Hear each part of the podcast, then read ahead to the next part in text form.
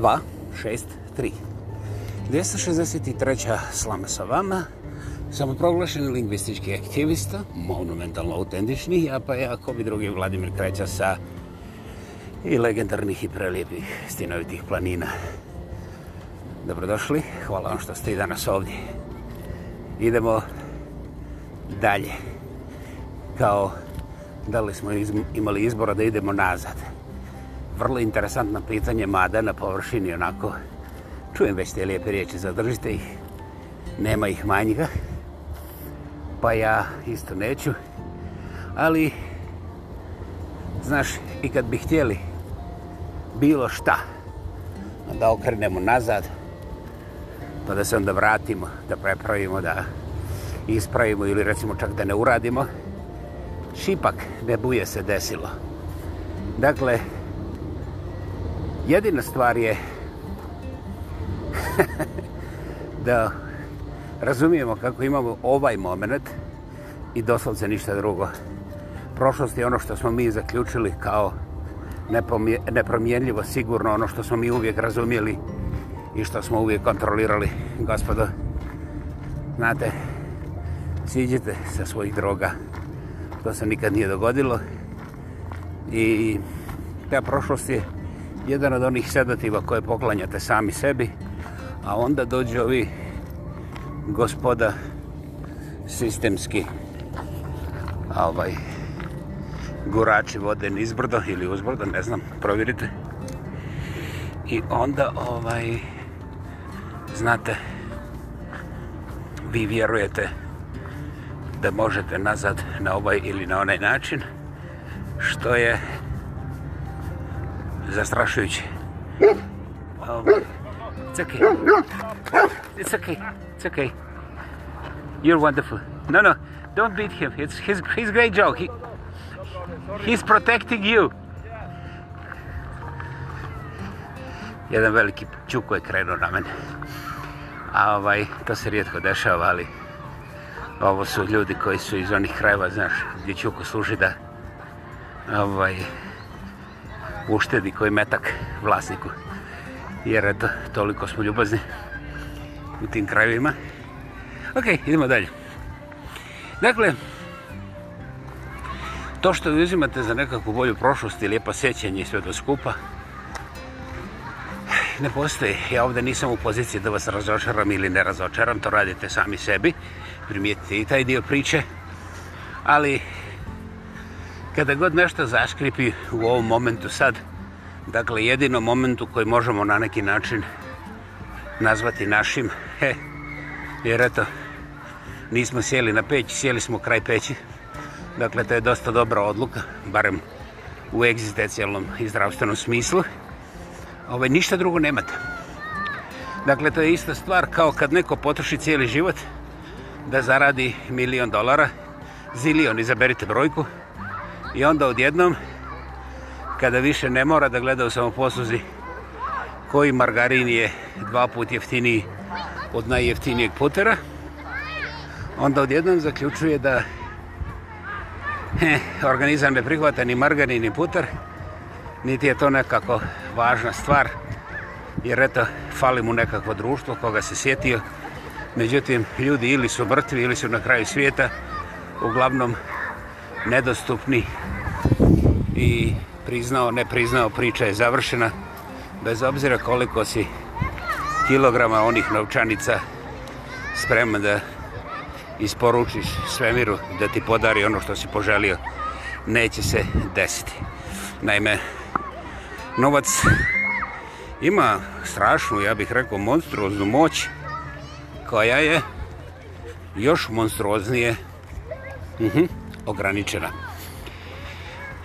Dakle, sa prepunim džepom možete biti puno, puno bjednije prokleti nego sa bilo kako praznim džepom. I to nikome ne treba objašnjavati osim onome koje je ostao pohlepan i gladan cijelog života. Interesantno, šta smo iz toga zaključili? Hej, pa nisam ja osnovnoškolski učio da vam povlačim sve sa crtežima. Ne. Idemo dalje. U tome svijetu koji je takav kakav jest, a mi uvjereni da je sve očigledno, upravo to očigledno nismo nikad pogledali, sagledali, još manje vidjeli, a uvijek nam je to u vidnom krugu. I ja nemam nekakvu posebnu zabludu gdje ću vas ja objediti da vi otvorite oči, pa ćete onda progledati, pa ćete vidjeti, pa ćete sami sebe razumjeti bolje i nekako dotaknuti šire polje sloboda, duhovnog zadovoljstva, mira, snage i na kraju krajeva sloge, balansa sa ljudima oko sebe. To je naravno lijepo i pomišljati, ali znate kao i recimo vožnja luksuznog Cadillac imaju čak danas i ove kompjutere koji taj Cadillac voze umjesto vas međutim tamo jednostavno piše vi ste odgovorni šta god vaš Cadillac napravi niko neće tužiti softver ili ne znam koji drugi tehnički detalj na tom vašem super luksuznom Cadillacu i proizvođač toga samovozeće Kadelaka je vrlo jednostavno napisao puno tih naljepnica i upozorenja i rekao hej, ovaj ovdje može da radi to i to, međutim nikada bez vašeg potpunog prisustva i vaše potpune kontrole. Dakle, drugim riječima kao da toga tehničkog gadžeta i nema. Međutim, sve finalne odluke su na vama. Dakle, ukoliko vi svom rođaku peri želite dokazati kako vaš kadilak može da se poprije iz kotora na lovćen onako sam jer vaš kompjuter u kadilaku je najpametniji od svih kom samovozećih kompjuterskih majmuna koji postoje na ovoj planeti ja ne bih rekao zašto se trebate pripremiti ili ne pripremiti, ne do Bog u Crnoj Gori ste ne treba raditi, Bože moj ali ovaj ja sebi to ne bi dozvolio nikada niti bilo kome svome ne zato što imam nepovjerenje u tehnologiju nego upravo nasuprot ako znam da čovjek kao još uvijek najkompliciranija tehnološka nekakva uvjetno rečeno mašina napravi toliko previda i greški onda ne postoji mehanizam koji je proizvela ljudska ruka, kome ću ja podariti cijeli svoj život i život nepoznatog broja ljudi koji se nađu usput, jer eto, ta sprava je dokazala da je 99,99% ,99 ne samo ispravna, nego i sposobna. Znaš, ona i 0.01 može da pobije dosta ljudi i zbog toga ja kažem, hej, tehnologija good, neka se razvija, međutim, ja vozim ili ne vozim, ali tehnologija, hm, no, ne dozvoljavam sebi, znajući da masa ljudi su jedva dočekali tako nešto, pa da onda mogu spavati i gledati televiziju dok se voze do lokalne samoposluge da kupe kilo štruce i litra mlijeka. Bože moj, Ja to ne bi nazvao perverzim, jer perverzija ima neke svoje pozitivne dimenzije. Ne, ne, ne, ne. ne bi ja e, perverzija još uvijek uvlačio ni u crkvu, ni u osnovnu školu. Međutim, perverzija kao, kao pojam i kao kategorija nije na dnu ljudskih ne mogućnosti. Samo sam to htio reći. Dakle, dragi moji, unutar te priče opet idemo na tako očigledno, a tako nevidljivo. I vrlo lako ćete se složiti sa mnom, ja sam ovdje ovaj, tako siguran da ću nastaviti zaobilaziti čak i moje sarkazme, ozbiljno. Ali evo pogledajte ovako. Ne znam da li ste primijetili ove velike imperije kroz povijest. Razgovarali smo o tome već u nekoliko navrata. Ali ono što je zanimljivo, Rimljani, Sumerani, Grkljanovi, Perizici, Selđuci, Otomanska imperija. Idite dalje kroz povijest, gdje hoćete, bliže ili dalje, svedno mi je. Sve te imperije nisu bile pobjeđene na nekakvom vojnom polju. Dakle, došao neko koji imao više oružja, pa onda ih skršio imperiju. Opet, vrlo očigledna stvar koju niko ne vidi. Imperije su u svojem, na najvišem stupnju svoga razvoja imale najviše tih potičenih, zarobljenih, potlačenih i šta ja znam. Uglavnom, moglo bi se lako reći bez prevelikog filozofiranja da su glavne proizvodne i komunikacijske imperije kapacitete imali potpuno u svojoj šaci. Dakle, u tom okruženju doista ne postoji niko unutar imperije ili u toj bližoj okolici koji bi imao više oružja, više ljudi i više vremena da čisto zbog te proizvodne kapacitivnosti ima dovoljno da bi mogao barem parirati imperije. Zato imperije danas je evo to potpuno tiho monopolizam, ne samo u jednoj industriji, u mnogo čemu nećemo o tome, ovaj, jer eh, ljudi danas potpuno kao patriotski vjeruju da se bore za svoje države koje suštinski ne postoje. Pogledajte ekonomske tokovi i gdje ide novac, pa ćete onda primijetiti da su apsolutni gospodari i smisla korporacije koje govore razno razne stvarčice, ali vjeruju samo u jednu stvar, totem. I to je novac, a novac se brani pozicijom.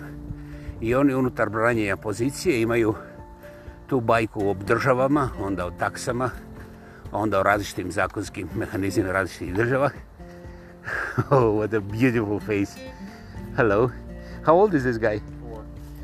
You're beautiful. Thank you. Thank you. Uh, what kind? rescue. God bless you. I, I really respect people who rescue dogs. He looks like someone who is really noble, living special life. Well, he is. You're giving a lot. Thank you. Dakle, korporacije koje su vidljive su te korporacije na koje mi tupimo zube kako i šta rade. Međutim, iza njih stoje stvarni vladari naših sudbina, koji su u stvari ne vladari, oni su vlasnici svega toga, a mi se pretvaramo kao da, eto, demos pa kratos i onda krekećemo ko žabe, razumiješ, u plitkoj vodi, jer je taj zada toplija i kad se upiškimo, onda je još toplija. Bože moj, tako mi vjerujemo u naše glasačke mašine i onda ovim korporacijama dolijevamo našu krv znoj i naravno naš okot, to jeste djecu, da ovaj operiraju, prvo da proizvode, onda da operiraju sve te sprave za uništavanje ovih tamo neprijatelja.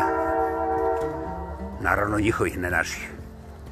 Dakle, o čemu ja govorim, ono o čemu se vi ne usuđujete pomisliti, drage moje.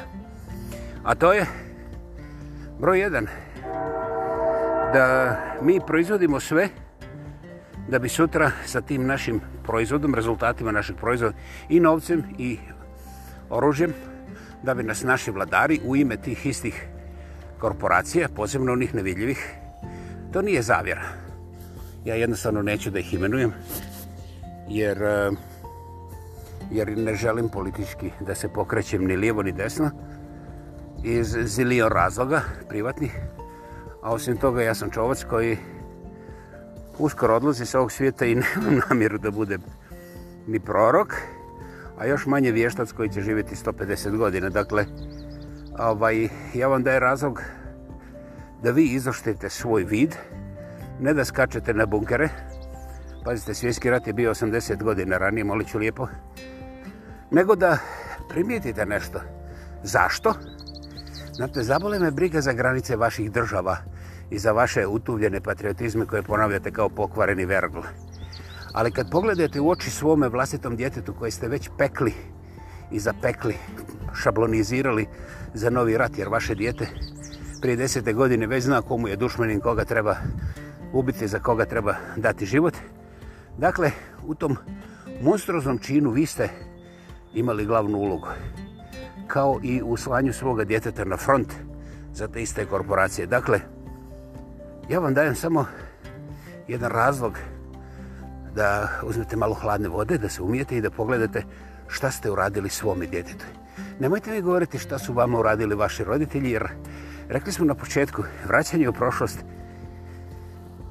nije uzaludno, nego samo betonira imbecila koji onda pokušava iznova da napravi samobojstvo i zasjede, naravno po receptu koji mu dodaju po discount price ovi isti koji su njegovu djecu već našiljili za novi rat. Eto.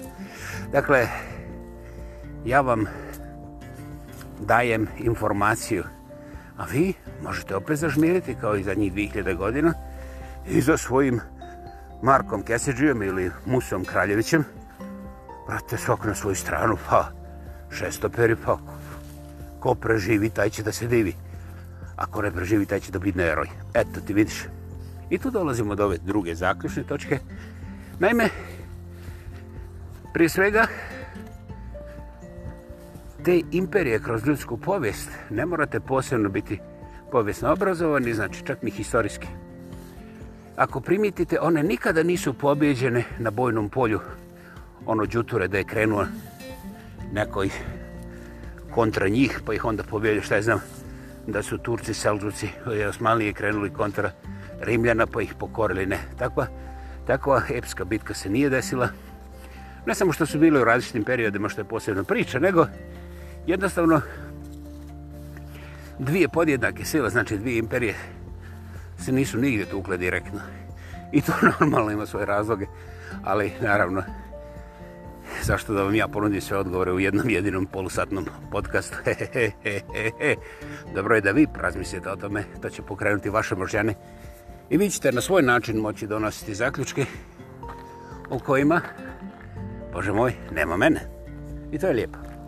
Dakle, ako te imperije nisu potučene na vojnom polju, pa šta ih je potuklo, šta ih je iskorenilo, šta je iskorenilo Turke, šta je iskorenilo Rimljane, šta je iskorenilo... Uh, sumerena, šta je iskorijenilo? Vrlo jednostavno. Da li dvije godine ranije ili dvije hiljede godine ranije, princip je uvijek isti. Te velike imperije nisu ništa drugo po svom modalitetu nego kancer na tkivu planete i zapravo cijelog čovečanstva. I sve ostalo je samo aranžman, ono, farbice, um, igrice, razno razne strelice i šta je znam, nuklearne bombice. Međutim, to je uvijek ista igra u suštini, dosadno ista igra, u kojoj taj kancer ima svoj vijek razvoja i onda nikoga ne pobidi, nego on metastazira i povuče u tu rupu za sobom nevjerovatan materijalni rezultat koji je građan sa toliko krvi, miliona potičinjenih. I ja ne bi upiro prst danas koja to imperija metastazira, ali i bez upiranja, i bez upiranja prste lako ćete zaključiti ko to danas trkelja u ljudskim pravima, a eto, nema dovoljno toalet papira kada zaškripi nekakav virus. Hvala. I šta je znam, tome slično. Njoink. U zaključku postoji jedna zanimljiva tehnologija koja se proteže kroz cijelo čovečanstvo. I ja nisam sreo u životu ljude koji su tu tehnologiju sumnjali ili vjerovatno nisam dovoljno puta pitao što je potpuno svejedno. Naime, sve se svodi opet da je očigledno najteže vidjeti. Naime, U povijesti čovečanstva, evo recimo uzmemo zadnje 2000, a boga mi i zadnje 2000 godina. Ne znam, uzet ćemo jedan i drugi period kao da su jednaki. Zbog toga što ja znam da nisu, ali ovaj, mi, imamo, mi imamo ovdje i ove e, slušatelje iz nekih drugih jezičkih zona kojima ja ne želim uskratiti užitak razumijevanja ovoga podcasta. E. Dakle, U zadnje 2000 godina bilo je ovako, meni se sviđa tvoja žena, ja tebi razvozam glavu i postanem muž moje žene.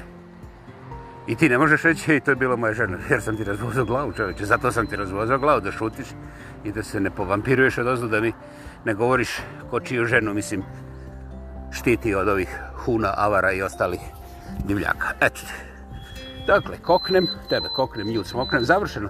I moje djece su onda, naravno, poštene i moje, jer kako drugčije može biti divata. Onda, ja šćapim tvoju sku i uvučem je u svoju pećinu i to je to. Ima sam, sada izaberite, sve do ovih vremena Cadillac, jeste Cadillac, meni pao Cadillac bolje nego Mercedes. Ima osam zona, znaš, za grijanje i masažu kad sjediš. I to mi se sviđa, to mi se sviđa. Ne samo teoretski, nego i praktički. Osim toga, to grijanje je okej, okay, zimi ovde i važno. Međutim, mladi džajca čoveče, usred ljeta, to je stvar koja me nokautirala. I sada dolazimo do toga da, kao što vidite, What's his name? Ben. Ben. Finn. F. Wow, you're impressive. Oh, yes. Oh yeah, so impressive. And uh, you know, he is taking strategic position around you, looking at him and then at you. And uh, he's brilliant protector. yeah. yeah, Hey, Finn, thank you. he's very friendly. I hope to meet you many, many times in this park. Okay. maybe. maybe. it's hot. No. Now you're spending too much time looking at yeah. Thank you. Have a great evening. Dakle, Ali ne uzimaju ljudi samo skvo, znaš. Uzimaju, što ja znam, uzimaju ove Rolex satove, dobro, ne prije 2000 godina, razumiješ, ali u novije vrijeme. Znaš, onda, onda vide da ova ima posjed kraj rijeke, a njemu se dosadilo penjati nas njegov posjed na brdu, pa onda, onda se mrdu sa brdu i onda ovoga izgure u rijeku dole i onda smo mi od uvijek bili riječni ljudi, jeli, i tako dalje, i tako dalje. I naravno, ako se dovoljno dugo zadržimo tu, u nečemu što smo mi sa krvlju ovaj stekli, to ćemo i sa krvlju odbraniti, jer jedino to je pošteno.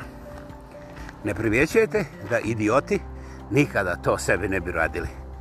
Što smo sa krvlju stekli, znači ove što su originalno živjeli tu pored rijeke, mi smo ih podavili, pobili, onda smo mi došli, e sad ako neko hoće da dođe, onda mora pobiti nas jer mi drugčiji ne odlazimo odavde. Dakle, kao što vidite, to je komunikacija u ljudskim gozicama, koja nikad nije stigla do mozga i kao što vidite u zadnjih 2000 godina ili 2000 godina, kako hoćete, izabavite period, to je bilo tako. Neš ti i meni. I Boga mi neš. I onda, prije nego što mi ovaj, nastradamo na grabusima ili tako dalje, mi se udružimo s ovima preko rijeke i onda oni kažu, vidi, umjesto da mi ih čekamo ovdje, mi možemo da ih napadnemo tamo. I evo, Mi imamo rođu iz San Francisco koji je proizveo transportere. Imamo brata koji je u Libiji došao do ovih ratnih rezervi, ovih ruskih kačuša. I onda možemo da isprošnimo čoveč. Mi ćemo imati puno više oružja od njih i ne moramo čekati da oni, oni nas kopnu. I to je pošteno. I ovaj, jebeš ga prije nego što se sjetiš da objasniš čovjeku da si ti samo rekao da ćeš braniti to sa svojim životom, ti si već zaratovo sa Albanijom i to nisam pojma nemaš kako, međutim, kada pukne prvi metak, veš ga, dok, dok se ne prolije dovoljno krvi da dođu međunarodni faktorovi, nema ovaj, zaustavljanja u puckanju, a u tom puckanju možeš i da najebeš i tako dalje, mislim, sad da ne ulazim u detalje.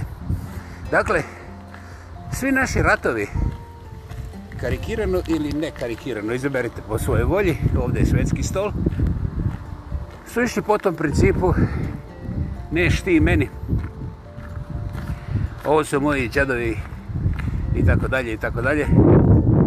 Ja ne znam, u našem regionu još uvijek su svi potpuno nesvisni da su obične sluge, da i to one jeftinije, a u stvari nisu ni jeftinije jer toliko su prezaduženi da im je neto vrijednost kad bi oni znali kako se to računa toliko negativna da bi recimo Međunarodni monetarni fond ukoliko budu sada uspješni sa ovim svemirskim putovanjima pustio vodu za džaba ne bi im naplatio, samo bi ih ispustio sa ove planete toliko su dužni, toliko su kužni i ovaj, od njih više nikakve koristi nema čak ni za pravljanje tih povremenih ratova za otklanjanje pogleda od suštinskih pitanja Znači, region je...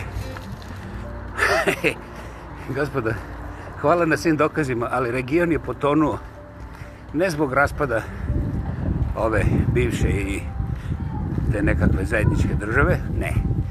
Nego je region potonuo jer u tom momentu snage ekonomskih pokretača koje su bile dovoljno školovane da prate i da postižu rezultate koji bi nas držali na površini ekonomskog fizibiliteta, znači samostojnosti, znači da imamo dovoljno žvakaći guma da ne moramo da kupujemo na kredit, pa da onda plaćamo kredit sa kreditom od kredita. Dakle, mi smo se odlučili da volemo našu naciju do te mere da smo ušli u duboku ovu inscenaciju, insinuaciju i onda u incest koji traje i danas. I, znaš, to ne može rađati pozitivan dolar. Osim za one koji nam dodaju konop da nam bude ovaj što duži za te potrebe masaže vrata i kičme, jeli? Dakle, gospodo, ovdje sam ja govorio o tome da mi vjerujemo apsolutno slijepo oružju i ratu kao rješenju ključnih problema i plemenito je da mi njima bedemo nanu i ostale rođake i rodbinu i tako dalje. Naravno, onda spržimo sve i tako dalje. I onda, kada ispržimo, kada pobjedimo, onda živo u ljubavi, slozi i demokraciji. Uh, jedva, evo, neće uzimati više od 2000 godina, kad pogledaš unazad, ovaj, Jedina država koja je spriječila to orgijastičko, ovo je Erich Fromm, pročitajte šta on kaže o orgijanizmu i autoritarizmu, da ja ovdje ne tupim zub, iako vas zanima uopće. Dakle, oh, snimanje, kad si mladi, kad se šećeš sa mojom brzinom. Dakle, šta smo mi uradili sami sebi, i tvrdimo da smo se oslobodili. Bože, sačuvaj, kada sami, ako preživite sa distance od 50 godina, pogledate, neće vas biti ni sramota, jer će sve oko vas pojentirati na neke druge babe i žabe da vam ne pade na pamet, da pogledate stvarnu sliku. Ono zbog čega sam ja bijesan i kao godačem, nije da li su lijevi ili desni, znate. Jer da li je lijevo i desno krilo je vrlo, vrlo grubo i debilno zbog toga što je prije 4000 godina jedan mudrac kineski rekao ničemu ne vrijedi ni lijevo ni desno krilo ako nema ptici. A i tada, ako ima ptice, mora biti živa i nahranjena za bilo kakav rezultat. Ne mora samo letenje.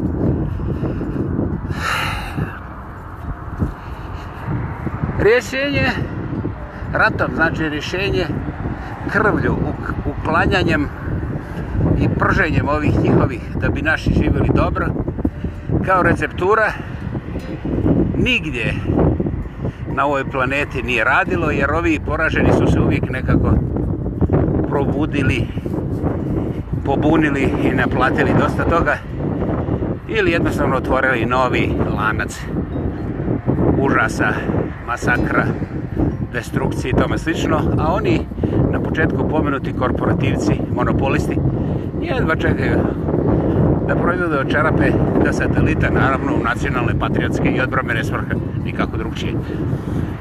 Jedina zemlja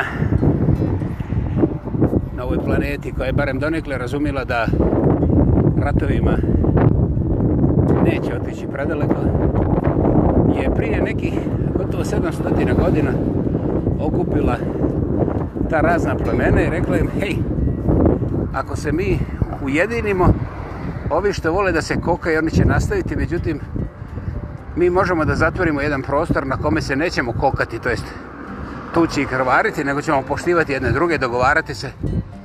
I onda će oni što se ubijaju morati dolaziti kod nas, recimo da ostave ovaj svoje Rolexe, zato što neko će im ugrasti dok se tuku, dok su na Kosovu, dok su, šta je zna, na Bosforu, dok se, mislim, rješavaju ti veliki patriotski projekti.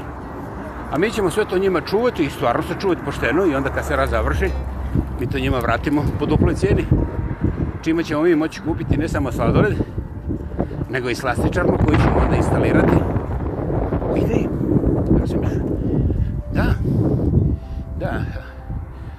ako ne znate o kome se radi, najmoćnije farmaceutske kompanije švicarske se nalaze između ostalog u Indiji. Razloga je bezbroj. Možda milijardu i dvijesta miliona Indijaca ima nekakve veze s tim.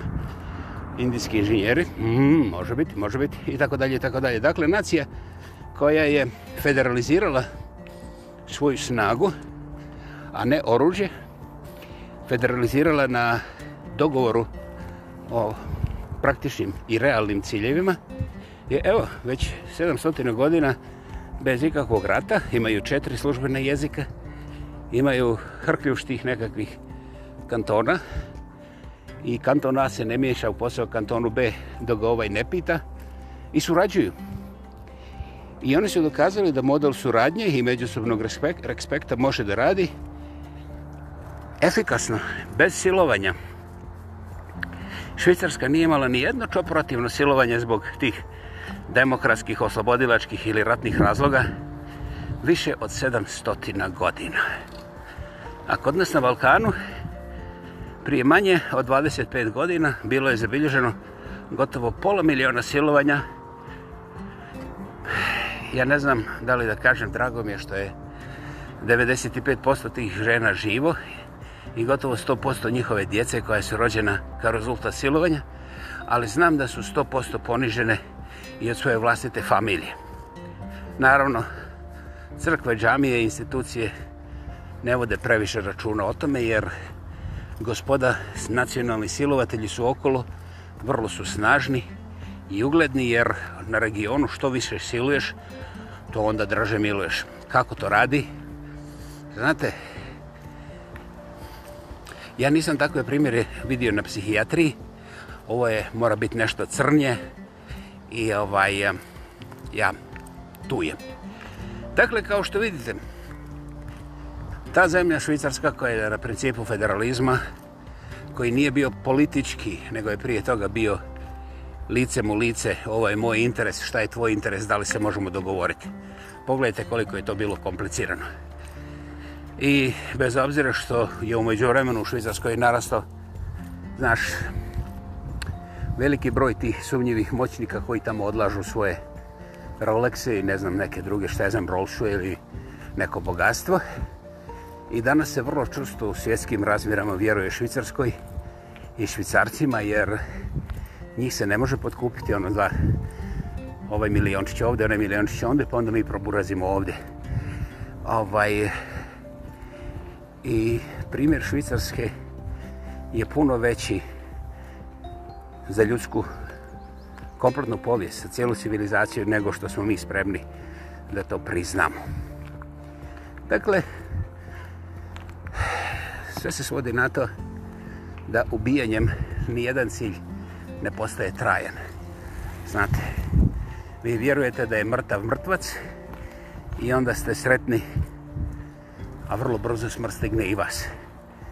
Ulažete sve budućnosti vaše djece u oružje kojim će vaša djeca ponovo biti bačena u nekakve rovove i u neka nova krvožedna prestrojavanja takozvanog demokratskog modela svijeta koji, by the way, nikad nije ni postoje, ali ne, nećemo o tome.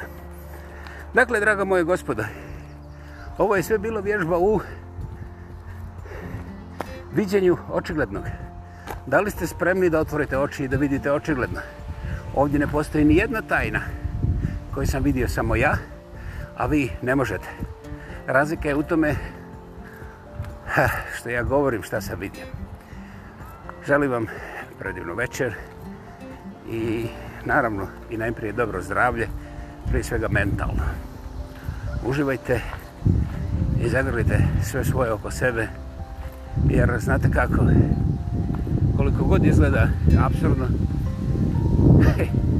rat je već iza vrata kakav koji pojma nemam ali mnogi od nas ne mogu da žive bez rata to je jedna od najmoćnijih droga takozvanog modernog čovjeka koji kao što vidite iz ovoga podcasta nikada nije bio modern